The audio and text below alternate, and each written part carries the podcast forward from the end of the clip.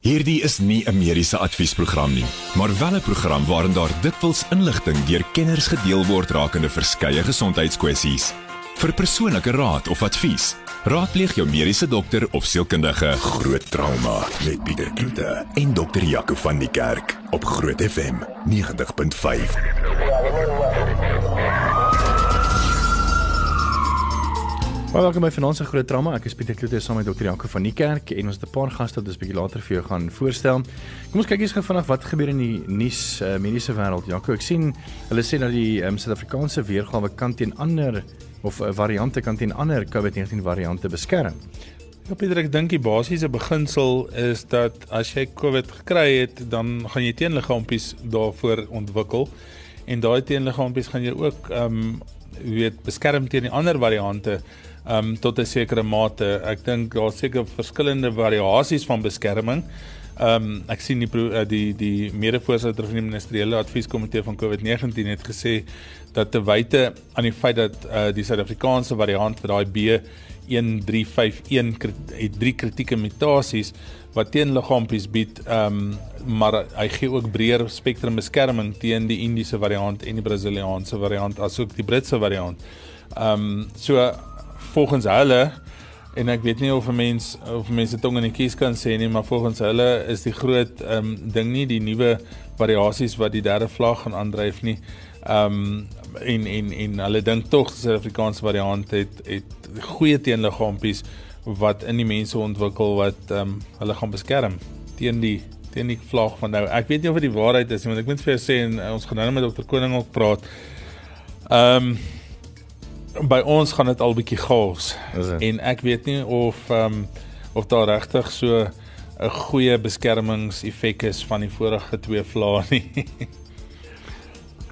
Jock, ek dink ek dink om met 'n antwoord baie van die mutasies van belang wat ons hoor in die Indiese variant, Engelse variant, Bra Brasiliaanse variant is reeds aan te tref in die Suid-Afrikaanse variant en daarom dan dat die antiliggame wat post-infektief opgebou word, eintlik beskermend optree teenoor hierdie variante en dit eintlik dan in Suid-Afrika minder van belang is hierdie ander variante en eintlik die Suid-Afrikaanse een nog steeds die die die dominerende variant sal wees. Die goeie nuus is dit lyk dat asof uh persone wat dan met die Suid-Afrikaanse variant te doen het ekstra beskerming het teen die ander variante nommer 1 en ook 'n langer termyn tipe immuniteit uh, beskerming geniet teenoor ander variante. Wat wat vir ons goed is alhoewel ons dan eintlik maar met 'n lelike een te doen het. Jy ja, moet ja. eers met iets lelik te doen het om bietjie voordeel uit om te trek. Hoorie, um, wat ek nou nie ons ons het nou nie oop op ons skerm nie Jaco, maar ehm um, en ek hoop my geheue laat my nou nie steek nie, maar China het ook nou gesê daar's nou 'n nuwe uit of die, die eerste geval van ehm um, van voelgriep die N10H3 as ek dit nie mis het nie.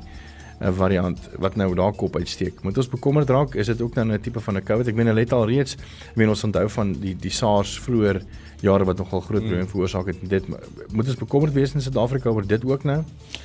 Pieter, ek dink mens moet bekommerd wees oor enigiets wat dalk daar begin. Jy weet, toe toe het begin het, het ek gedink dis 'n siekte van daai tyd, daai kant van die wêreld en uh, ek kan onthou ons het eendag in die teaterteekamer gesit En uh, een van die ortopede het ook gesê wat se ding is hierdie wat hulle daar in China beskryf. Ons gaan hom nooit sien nie. En kyk mm. waar sit ons vandag. So ek dink ons moet versigtig wees wat ons sê. Om te sê ons hoef nie bekommerd te wees oor hom nie. Ehm um, ek dink mense moet hom Amerikaansie gee. Dis maar soos een van die variasies op die varkgriep ook, né? Nee. Is dit nie die H1 en een was dit op 'n stadium. Nou, Daar's so baie haas ja. en en mense gaan gaan by dit bly nie. Ja. Ek ek dink weer eens 'n bietjie perspektief. Hierdie hierdie is meer 'n voëlgriep onder hmm. voëlspesies. Dit is tans nie vir die mense bedreiging nie, is net interessant.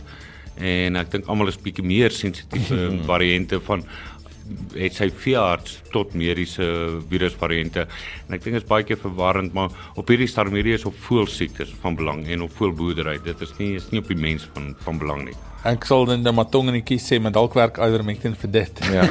Mense sal dit nou nie glo nie. So moet nou nie gaan kokket weet jou kokketiele by die huis soen of so iets nie net dra iets oor of so iets laf jy weet. Hoor jy ek sien ons moontlike verband tussen Pfizer en myokarditis. Ja eers moet jy vir my sê wat is myokarditis? Ek het nie 'n idee nie Pieter myokarditis is maar 'n inflammasie toestand van die hartspier. Ehm um, en dit is in Israel wat hulle dit gesien het Ehm um, hulle het gaan kyk van Desember 2020 tot Mei hierdie jaar is daar 275 gevalle van myokarditis aangeteken uit 5 miljoen mense wat ingeënt is. Ehm um, die ouderdomsgroep van hierdie mense is tussen 16 en 30 jaar oud, dis gewoonlik mans. Ehm um, maar mens moet sê en en ek dink dit gaan nou die anti-vaxxer ouens dalk 'n bietjie bietjie seermaak in hulle redenasie is dit dit is nie meer as die gewone insidensie ehm um, van myokarditis in daai ouderdomsgroep nie. Ehm um, as jy gaan kyk is dit elke jaar maar in daai omgewing en ehm um, dis glad nie meer as altyd nie. Mense kan ook sê ehm um, Vrydag het die um, Europese medisyne um, beheerraad uh, goedkeuring gegee vir die Pfizer vaksin en uh, gesê dis veilig nou in kinders van 12 tot 15.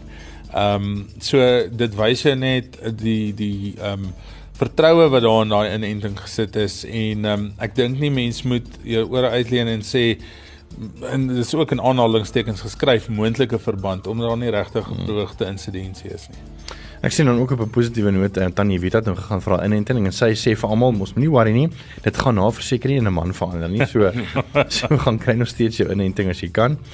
Ehm um, dan ehm um, iets wat ons al al iets ook al, al gepraat het en ek dink ons moet nog steeds hieroor praat bietjie later, miskien ook in die jaar is uh van die simptome van COVID-19. Ek meen mense weet nou weet uh, die normale sieksimptome. Maar dan sou ook ander goed van weet jy kan moeg en baierig raak na jy COVID gehad het. En dan praat hulle ook van die lang COVID. Ja. Nee, ag die groot ding ehm um, van die lang COVID, ek dink ons praat ook van post-COVID sindroom. Ehm um, is maar dat die mense baie keer simptome het van posttraumatiese stresversteuring, ehm um, angstigheid, depressie, ehm um, boonbehalwe die feit dat hulle mediese langtermyn effek het, ehm um, longfunksie, ek weet dokter Koning hulle volg hulle nou op na hulle COVID oorleef het um, en hy gaan dalk meer kan sê oor die langtermyn effekte daarvan maar ek dink daar's 'n groot psigiese komponent ook nadat jy COVID oorleef het veral as jy in die ICU was dink ek. Hmm. Net om vinnig af te sluit um, in in uh, ons inentingsteikens wat ehm um, die departement van gesondheid wou gehad het lyk my nie is reg gehaal nie want ek meen ons moet nou 5 keer vinniger dit nodig hê Ek meen hulle hulle het beam om teen uh, einde Junie 5.4 miljoen mense in te ent. Hm. Maar dan beteken dit hulle moet omtrent so 175 mense per dag inent en dit lyk vir my op hierdie stadium as mense nou kyk na ehm um, 'n gemiddeld wat hulle dan doen per dag is dit letterlik tussen 40 en 70 000 mense per dag. So hulle sal klaar amper 'n derde minder as wat hulle moet hê. So ek dink nie ons gaan na teken hang teen. Daar's geen manier nie. Ehm um, ek sien die statistiek sê 175000 mense per dag moet ingeënt ja. word. Hulle beste dag was 70000 as jy gaan ja. kyk. Ehm um, hier oor 'n Sondag lyk dit vir my werk Suid-Afrika nie want ek sien hier by Sondag is dit 564 en die beter dae is 5000, jy weet, en dan hulle beste dag was 70000. Daar's geen manier hoe mense dit gaan kry um om by daai 175000 uit te kom nie.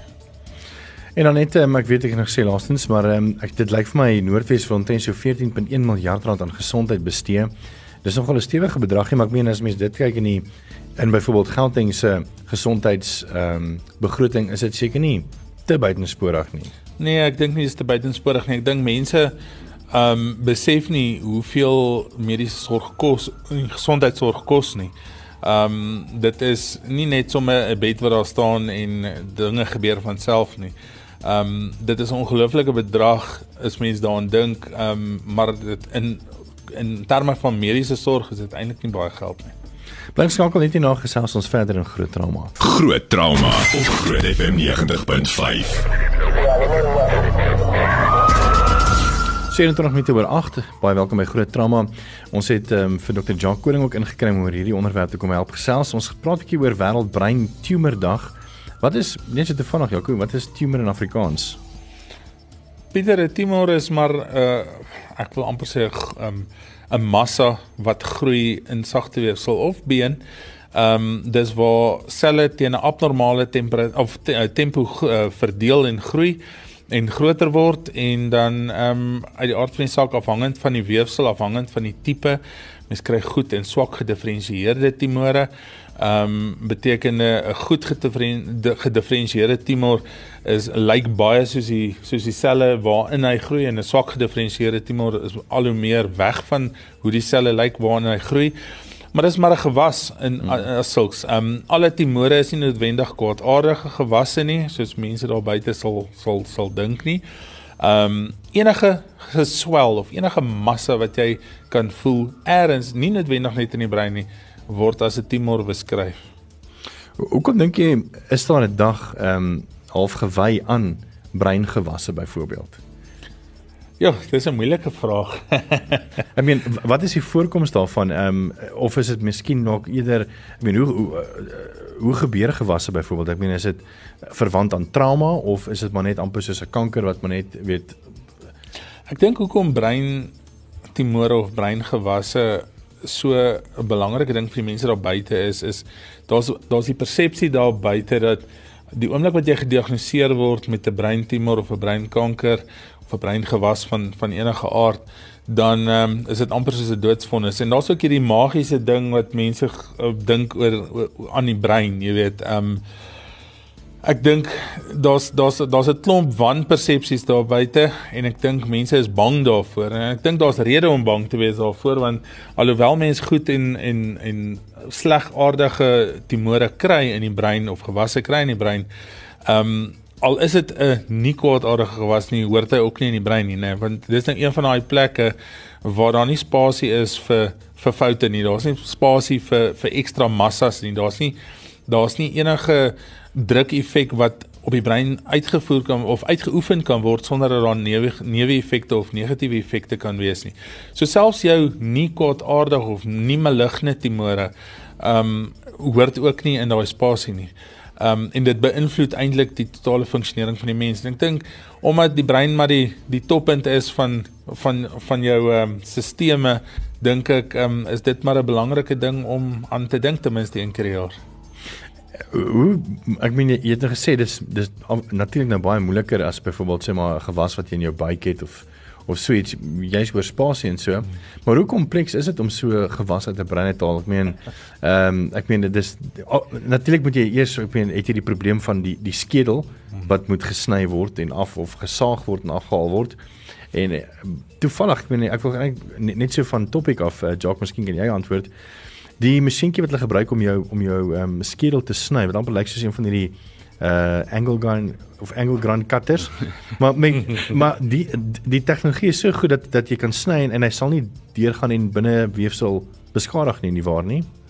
Jy weet jy as jy um, as jy nou vir jouself 'n lang dag wil beplan, is dan moet jy saam met 'n neurochirurg teater toe gaan. Ehm um, natuurlik daar's verskeie ingangspunte tot die brein. Dit hang af waar die tumor sit. Ehm um, baie tumors kan bereik word deur die neus um, as as 'n toegang. Ehm um, natuurlik partykeer moet die skedelplate verwyder word. Dit kan partykeer selfs deur die oog en en ander toegangsareas bereik word.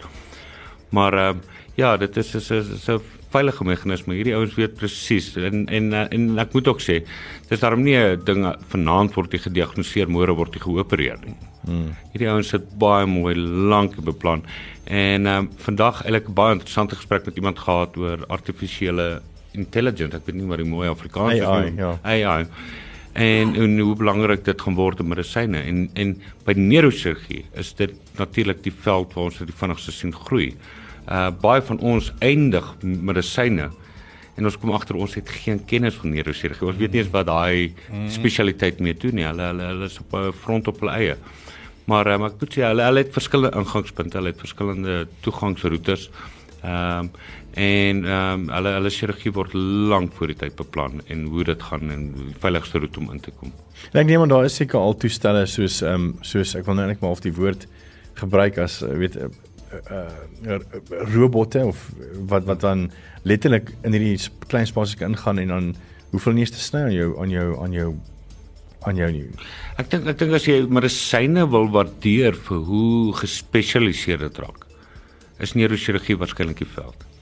Ons kry tans neurochirurge wat net op spesi- spesifieke gedeeltes van die brein spesialiseer. Mm. Sodat as die tumor nie in daai area van die brein voorkom nie, verwys hulle dit na 'n kollega langs aan om om in te gaan. Sure. Ehm uh, dit is ongelooflik gespesialiseerd. Uh, baie baie interessante veld maar 'n veld wat baie moeilik is om te volg as jy nie altyd direk betrokke of primêr betrokke by dit is nie. Ehm um, dan net die vraag van hoekom is daar breintumor? Want dit is algemeen. Hmm.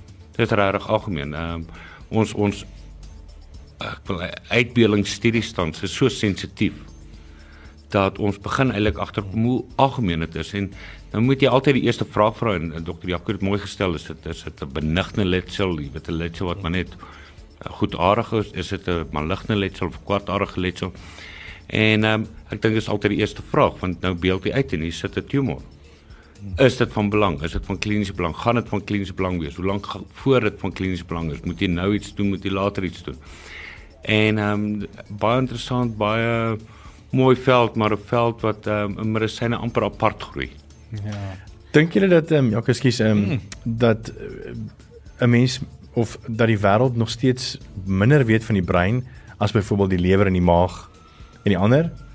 Ehm um, Jo, ek jo, wat 'n mooi vraag. Ehm um, ek dink ek dink neurochirurgie saam met neurologie natuurlik bied vir ons heeltemal verskillende siening. Ek stel nou net dink toe ons hier praat, die hart was altyd die bron van die siel gesien. en nie verskillik kyk ons na die brein as die persoon. En dis hoekom breintumore natuurlik want ons is so bang die persoon verander omdat ons nou 'n hmm. breinsiekte aantoon of ons gaan aan die persoon verander sou ons gaan hom opereer en die dis meer. Sou ek reg wees om te sê dat dit is dis amper weet waar jou lewer en daai goed is eintlik maar weet dit is 'n dis 'n orgaan en ons weet al baie daarvan maar die brein is amper weet soos 'n rekenaar jy weet jy die harde ware en jy die sagte ware maar dis een ding jy kan een ding gebruik tipe van en en jy kry harde ware spesialiste en jy kry sagte ware spesialiste. Uh, nee absoluut absoluut. Ek dink ons een fout wat ons maak is om te dink die brein is 'n rekenaar. Dit dit is dit nie. Ja. Maar ek dink dit groei saam met die rekenaar. Jy weet hoe meer hoe meer ons die goeders kan opteken, natuurlik hoe meer kan ons aanteken van waar kom dit so die ontwikkeling van die brein. Dit dit, dit is 'n so 'n ongelooflike mooi veld en ek dink neurochirurgie bring vir ons nie net uit die oogpunt van van hoe die mens werk, hoe die mens funksioneer, bring vir ons ander belange in. Ons almal vra maar hoekom is ons bewus van iets? Wat wat beteken bewusheid? Hmm ehm uh, wat wat beteken 'n refleks is kan ons 'n vrye keuse regtig maak. Hmm. En ons kyk baie keer na neurochirurgie in daai opsig want hierdie persone het die ervaring, hulle het die ondervinding en hulle bring vir nie net medies maar filosofies kyk bring hulle partyke van die interessantste vrae en antwoorde na ons toe. Ek dink baie antwoorde kom van daar af. Ek meen as mense dink net aan persoonlikheid en die manier hoe mense optree. Ehm um, as jy van die neurochirurgie vra dan gaan hulle vir jou presies kan sê watter deeltjie van die brein wat doen. Ehm um, en en dit het ons eintlik geleer maar uit neurochirurgie uit. Waar kom jou vis, jou visie sit oksipitaal as ek reg onthou. En ehm um, hoe nou wie nou gedink aan die agterkant van jou kop gaan jy nou jou visie vandaan kom, jy weet. Hmm. So as ons die neurochirurgie gehad het, nie het ons nooit daai kennis gehad nie. En dan net weer in die op die op die punt van breinkankers of breintumore. Almal dink altyd as hulle die woord breintumor hoor, dit gaan 'n operasie wees en dan baie van die neurochirurgie hanteer dit um deur eers mense te bestraal om daai breintumor te krimp baie keer um voordat hulle dit uithaal. Um ek dink chemoterapie is nie so baie by neurochirurgie nie want ek dink uh, daar's ook 'n ding wat hulle die bloedbreinskans noem wat um die chemoterapeutiese middels baie keer keer om om effektief te werk. Maar ek dink gerigte bestraling is 'n baie belangrike ding ook. So ehm um, ek dink baie mense is presies wat dokter Koning gesê het wat dink vandag kry jy jou diagnose môre word jy geopereer is iets heeltemal ehm um, wat mense eintlik op uit moet kry. Ons gesels net nou weer 'n bietjie verder oor die kompleksiteit van die brein natuurlik oor wêreldgewasdag of World Brain Tumor Day wat die 8de Junie is en ek glo 'n uh, baie moeilike vraag vra aan dokter Jacques en Jaco weet kry mense hoekom kry mense nog steeds nie pille vir domheid nie maar ons gaan daai vraag vir jou net hier na beantwoord want is nou is tyd vir jou mediese mite minuut. Ons praat vanaand oor breintumore, so ek dink is net gepas om om ehm um, daaroor oor die brein te praat. Ehm um, baie mense glo nog dat breintumore veroorsaak word deur bestraling van goed so selfone en mikrogolfoonde en daai klas van ding. En dit is totaal en al nie waar nie. Daar's groot klomp studies gedoen wat sê dat daai ehm um, radiasie eers die vel sou sou beseer en en en skade aandoen voordat dit die brein sal beskadig. Die ander interessantheid is is dat kalsium 'n groot deel van radiasie of bestraling absorbeer.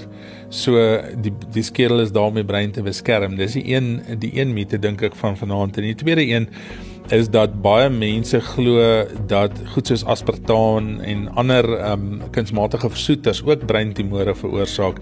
Daar's 'n groot klomp ek gesien, daar's meer as 100 studies wat hierdie een ou aanhaal ehm um, wat die teendeel bewys het. So die ma's wat worry oor kinders wat uh, versoete goed drink, ehm um, hulle gaan definitief nie 'n brein tumor kry nie.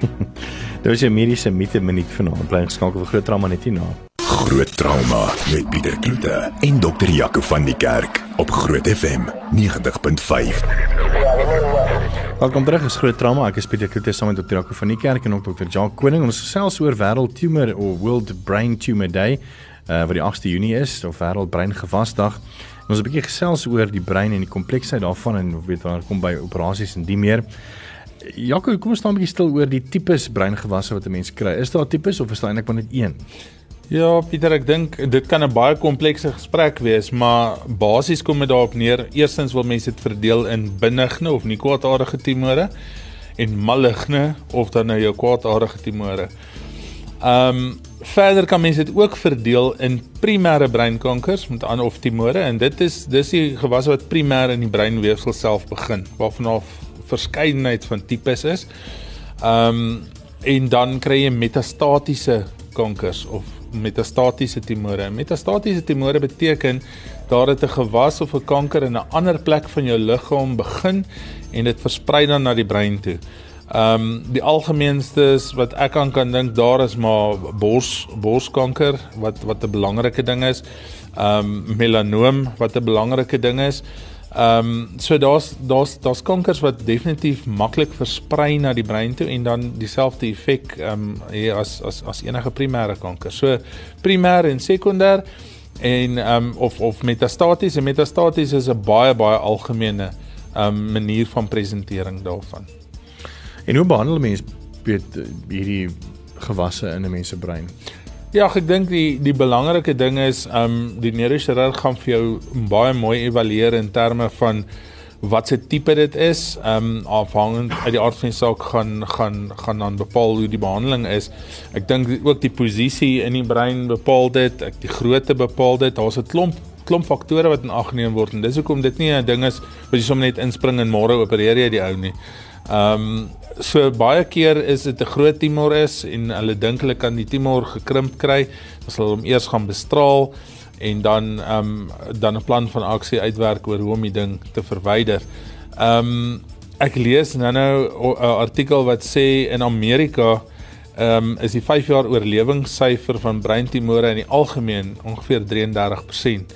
Wat eintlik goed is as mense in ag neem dis 'n sagte weefsel um orgaan baie baie sensitiewe orgaan en ehm um, ja, chirurgies en en en bestraling is maar die groot behandelingsmodaliteite dink ek. Dan ons gaan van die vrae behandel wat jy gekom het op ons WhatsApp lyn. Ehm um, gaan ons hou vir vrae vir Jaco. Maar as jy enige vraag het wat medies verwant is, is jy welkom nou vir Jaco te vra op 061 6104576 onthou standaard tariewe geld en dan net hierna is dit dan vra vir Jaco en ek sien daar is 'n paar van daai brein gewas ehm um, stellings en terugvoer ook so ons gaan 'n bietjie daarna ook kyk net hierna bly geskakel. Met die volgende program bo Groot FM 90.5 om jou as luisteraar met die nodige inligting oor 'n spesifieke onderwerp te voorsien. Alhoewel hierdie inligting dikwels deur 'n kenner op die gebied gedeel word, word jy aangemoedig om jou mediese dokter of sielkundige te besoek vir persoonlike advies of raad. Groot trauma met Pieter Kloete en dokter Jaco van die Kerk op Groot FM 90.5. Styse vra vir Jaco en ek begin sommer met 'n stelling en ons kan 'n bietjie gesels hieroor wat ehm um, ons kyk gou vanaf wie dit gestuur het. Uh Sybrand Kreer wat sê met alle respek, wat is 'n tumor? Is die Afrikaanse nie breingewas of groeisel nie? Ek het ons het genoem dit is 'n gewas, maar is dit aanvaarbaar in die mediese veld dat hulle met mekaar praat ehm um, met tumor of praat hulle maar oor gewasse Jaco? Nee, ons praat maar van tumore of 'n tumor. Ehm um, gewas is maar net 'n ek dink 'n algemene spreektaal term um, en groeisel is eintlik nie 'n baie mooi Afrikaanse woord dink ek nie. So as 'n mens vir 'n kollega bel en jy het byvoorbeeld 'n skandering gedoen en jy kry 'n breintumor, dan praat jy van 'n breintumor, jy praat nie van 'n 'n breingewas of 'n of 'n groeisel nie. Maar die Afrikaanse term of of in die Afrikaanse taal sal die meeste mense verstaan en dis waarskynlik die die die spreektaal van die meeste mense buite. So die algemene populasie gaan waarskynlik daarvan praat. En dan ehm um, iemand wat hierso sê my oom is oorlede aan kanker in sy brein wat baie vinnig versprei het. Niemand weet hoe dit gebeur het nie of wat die oorsaak was nie. Want tydens chemo het ek 'n groot lelike swart musie op sy kop gesien. Kan dit wees dat hierdie die oorsaak kon wees en is dit waarskynlik dat 'n onkoloog hierdie gemis het byvoorbeeld? Ehm um, dis maar 'n vraag wat Cindy eintlik gevra het. Ja, dis 'n moeilike vraag. Ek dink nie mense moet sê die onkoloog het gemis as sulks nie. Ehm um, en alle swart musies is nie noodwendig melanoom nie. Ehm um, maar enigiets is seker moontlik. Dit is moeilik om na die tyd in retrospek te sê, maar melanoom ehm um, kan enige plek van enige plek af versprei na die brein toe. En ehm um, ek het nou nou het ons van lig af gepraat en gesê melanoom is een van die goed wat makliker na die brein toe gaan as selfs baie ander uh, breingewasse. So uh, definitief ehm um, kan dit 'n melanoom gewees het as hy so vinnig oorlede is en so vinnig versprei het definitief. En sy sê ook verder, ehm um, sy het 'n malignant melanoom gehad wat chirurgies verwyder is. En wat is die toeval dat dit dalk geneties kan wees? Ek weet nie van van regtig in detail nie, maar ek dink daar is 'n genetiese komponent aan aan melanome. Ehm um, maar onthou wat is die groot oorsake van enige velkanker? Is eintlik maar sonblootstelling, né? En sonskade. So ehm um, ek ek dink meer gaan sonblootstelling en sonskade vir jou groter risiko gee as wat dit net geneties gaan wees.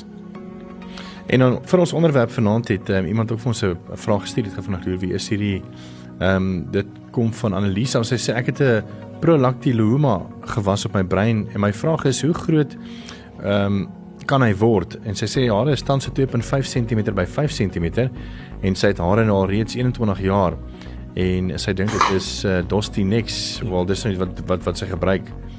Ehm um, en sy kry ook epileptiese aanvalle. Ja, ek dink prolactinome is eintlik 'n gewas of 'n tumor van die hipofise in die brein.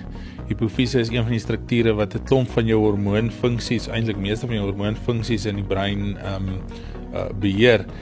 En dis een van die tumore, ek dink is een van die min tumore wat net met medikasie behandel word waarvan sy dan nou gebruik die Dostenex. Ehm um, 2.5 by 5 cm sekerlik groot en ek dink daar moet definitief druk effek wees.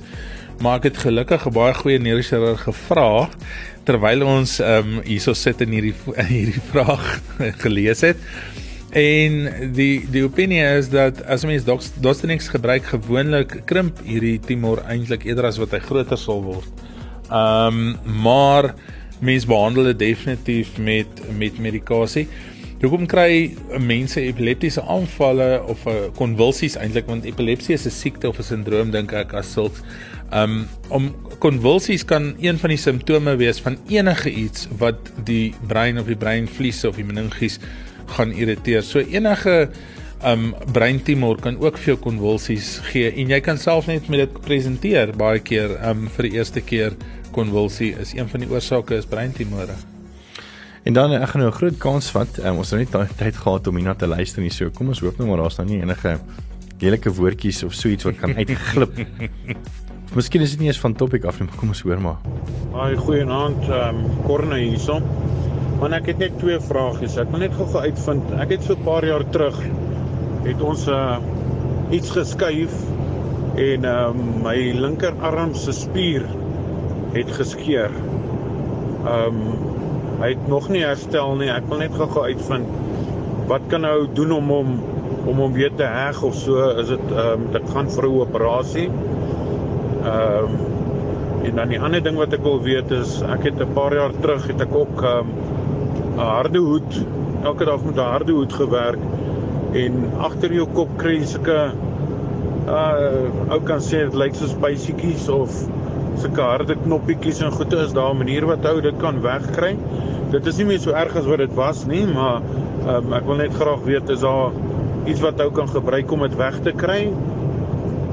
Ehm um, baie dankie.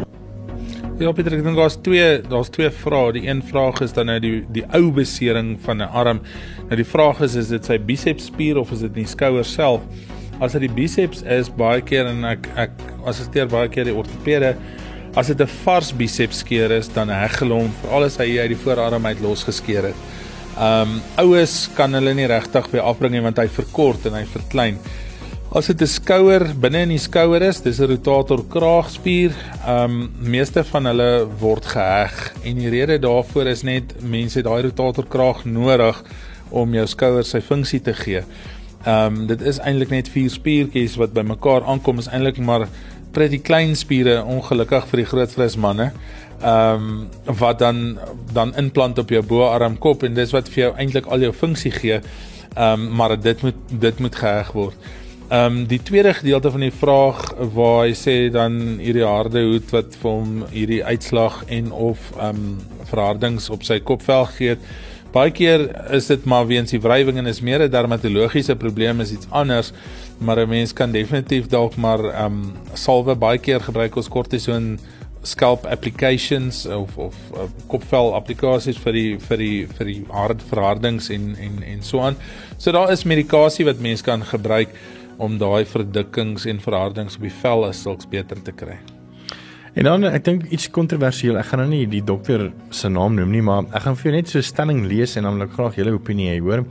Hy begin hier te sê dat ehm um, en ek gaan sommer in Engels lees, the third wave could become a reality once the vaccinated guinea pigs shed and the spike proteins emitted from their pores and breath starts affecting those around us.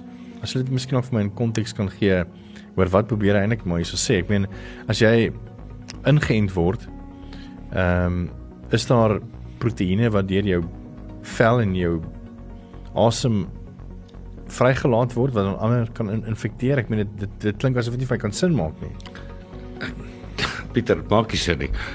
Uh geen van die vaksinerings maak van 'n lewendige virus gebruik nie.